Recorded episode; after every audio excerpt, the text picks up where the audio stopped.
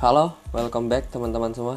Balik lagi di podcast Pejuang Mimpi bareng gue Yudhistira Widenugraha. Udah lama nggak berjumpa, tak bersua. Wede. Rasanya pengen banget bisa bikin apa ya podcast seperti ini lagi seperti dulu. Cuman kali ini gue sempetkan waktu gue mungkin karena gue nggak tahu gue harus ngapain tapi ada cerita yang sangat menarik buat gue dan hal-hal baru di kehidupan gue saat ini. Alhamdulillah gue sekarang bisa bersekolah atau bisa terus berpendidikan berproses istilahnya di salah satu perguruan tinggi ternama di Indonesia. Dan walaupun kata orang kenapa harus milih vokasi? Hmm, itu adalah hal yang menarik menurut gue karena teman-teman terbiasa dengan uh, sekolah ya di univ itu ya S1 gitu. Tapi ini adalah sisi lain dari kehidupan gue yang mungkin apa ya ada rasa sedih ada rasa bahagia ada rasa kecewa terkait gue masuk ke SV ini sekolah vokasi Universitas Gajah Mada tentunya. Masuk ke salah satu perguruan tinggi ternama di Indonesia itu adalah pencapaian terbaik salah satu yang terbaik di hidup gue dan gue sangat mensyukuri hal itu. Buat temen-temen seluruh vokasi di Indonesia. Lu nggak usah perlu khawatir. Lu D3 lu D4 lu nggak perlu khawatir tentang hal itu dan bahkan ketika lo S1 di universitas swasta pun lo nggak perlu khawatir tentang hal itu. Udah semua orang ngomong kok bahwa jenjang pendidikan itu nggak menentukan kita buat sukses. Dan kita di universitas mana pun nggak menentukan kita buat sukses. Tetapi ketika lo masuk ke salah satu universitas ternama itu lo memiliki poin plus di antara yang lain namun, balik lagi, ketika poin plus itu tidak digunakan dengan baik, ya pasti akan tidak berjalan atau tidak malah tidak bisa menuntun Anda kepada sebuah kesuksesan. Kalau kata Mario Teguh sih kayak gitu. Cuman uh, kita singkirin lah hal-hal itu. Gue pengen cerita tentang kebahagiaan gue. Gue memulai kuliah memulai pendidikan di UGM itu dengan metode daring atau online yang saat ini kita rasakan bareng-bareng bukan hanya di perguruan tinggi namun juga di tentunya di SD, SMP atau SMA sekalipun. Itu yang membuat gua ngerasa bahwa sekarang metode online sudah bisa digunakan di Indonesia. Teknologi sudah bisa bermanfaat untuk pendidikan di Indonesia. Karena yang kita tahu sangat amat jarang ketika offline dulu bahwa teknologi ini digunakan oleh uh, dengan oleh sekolah, oleh sistem pendidikan dan sebagainya. Gitu. Jadi sangat apa ya? Sebetulnya dalam hati gue sendiri ya teman-teman, gue ngerasa kayak sakit banget kenapa harus offline eh online sedangkan gua seharusnya bisa berjumpa dengan teman-teman bisa bertatap muka. Tapi gara-gara ya pandemi ini kita nggak bisa ketemu. Tapi it's okay. Gua harus tetap beradaptasi dengan lingkungan itu dan gua harus tetap struggle menjalani proses gua ini gitu. Itulah yang dinamakan kita mencintai proses dalam hidup kita. Tentunya ada rasa bahagia juga walaupun tadi sedih ya harus online harus online nggak bisa ketemu teman baru dan sebagainya. Tapi ada bahagianya juga karena bahagianya gue bisa dapat lingkungan yang benar-benar mendukung gue buat berproses di sini. Lingkungan yang didambakan seluruh masyarakat Indonesia pastinya.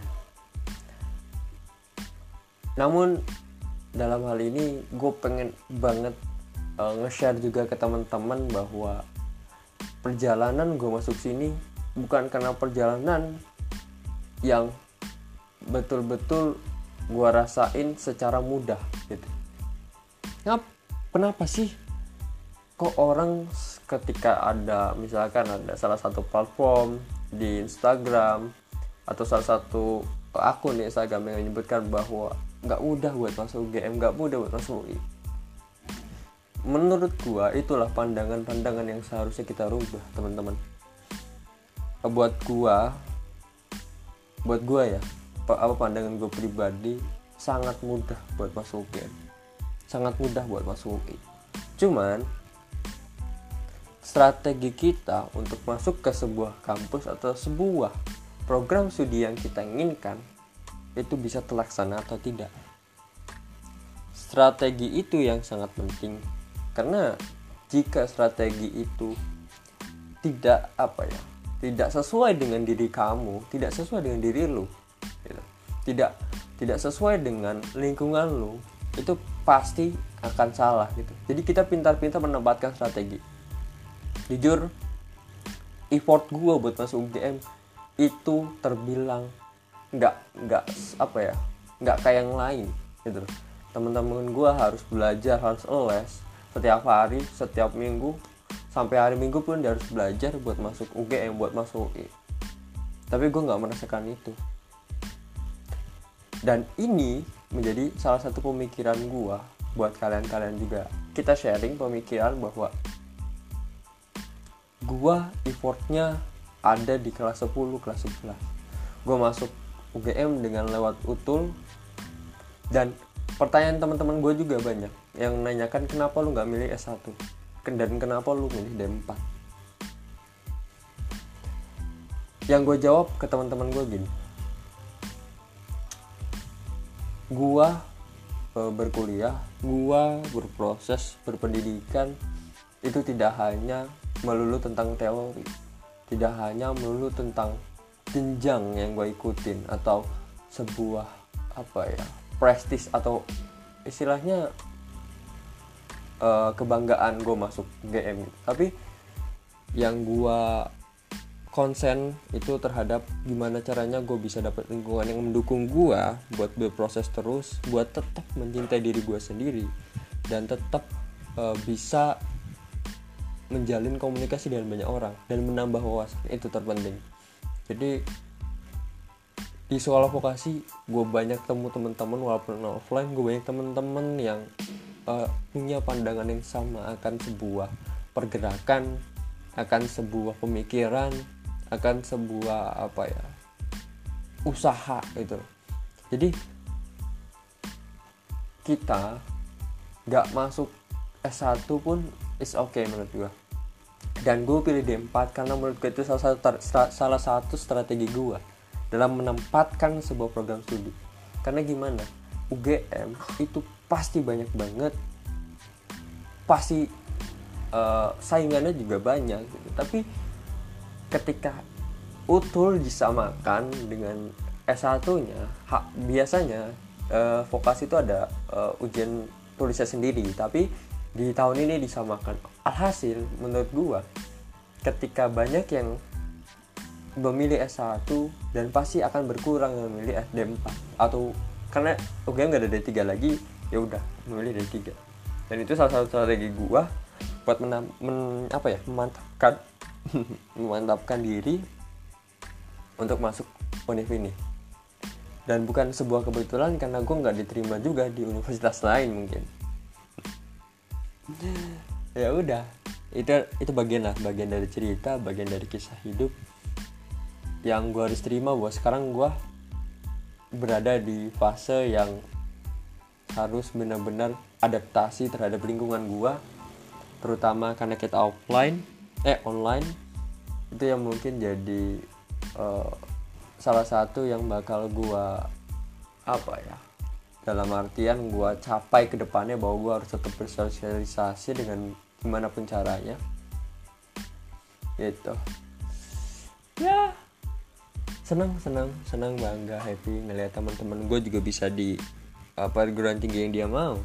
Bukan hanya game loh ini maksud gue kayak ini salah satu uh, sharing gue terhadap uh, kegiatan kita uh, kegiatan dalam memilih sebuah perguruan tinggi bukan hanya UGM karena sebenarnya sebenarnya semua di universitas lain pun bagus. Dan gue nggak memungkiri itu. Cuman sekarang bagaimana kita buat mengemas apa yang disampaikan oleh dosen apa yang kita dapatkan di pergaulan di lingkungan kita dan sebagainya. Itu sih yang sampai sekarang gue tanamkan. Gue nggak mau memandang bahwa orang ini bodoh orang ini pinter. Uh, itu bukan bukan gue banget. Karena gue selalu menyamaratakan semua orang selalu berusaha mendapatkan pandangan yang positif terhadap semua orang. Itu yang selalu gue capai karena positif vibes yang gue tampilkan itu bakal mempengaruhi juga ke kehidupan gue pastinya. Gitu. Ya mungkin kayaknya itu dulu sharing gue sementara karena udah lama nggak sharing juga. Buat teman-teman di angkatan 21, 22 atau 23 ataupun ya istilahnya angkatan-angkatan yang akan masuk juga ke perguruan tinggi nggak usah lo sesalin lo sekarang di mana nggak usah lo sesalin karena nilai lo seberapa tapi yang lo perlu hargain adalah gimana caranya diri lo nge-achieve diri lo sendiri. Maksudnya dalam artian lo ngehargain potensi dari diri lo sendiri lo telusuri potensi apa yang lo punya dan lo selalu apa ya menghargai terus mem memberikan penghargaan kepada diri lo sendiri ketika sudah mencapai suatu tujuan yang hendak lo capai suatu saat nanti. Itu sih pesan dari gua nggak usah takut ketika lu ada di universitas swasta karena sekarang staff salah satu staff kementerian di pengembangan sumber daya manusia itu adalah salah satu apa ya alumni di sekolah gue yang swasta juga alumni SMA gue yang swasta dan dia pun berkuliah di universitas swasta. Dan itu tidak menutup kemungkinan bahwa dia bisa menjadi staff khusus di salah satu kementerian di era Pak Joko Pak Jokowi saat ini gitu. Jadi ini semua tentang diri kamu telusuri dirimu dan hargai dirimu. Oke closing itu aja dari gua. Terima kasih udah mau mendengarkan. Semoga di perjumpaan nanti kita bisa bertemu dan bisa bersharing-sharing lagi gitu dan kalau misalnya ada saran-saran atau masukan boleh deh. Uh, di Instagram gua at mas udis m a s u d i s s s s s, sampai lima kali s terakhir ya. Bye bye teman-teman. See you the next podcast. Bye bye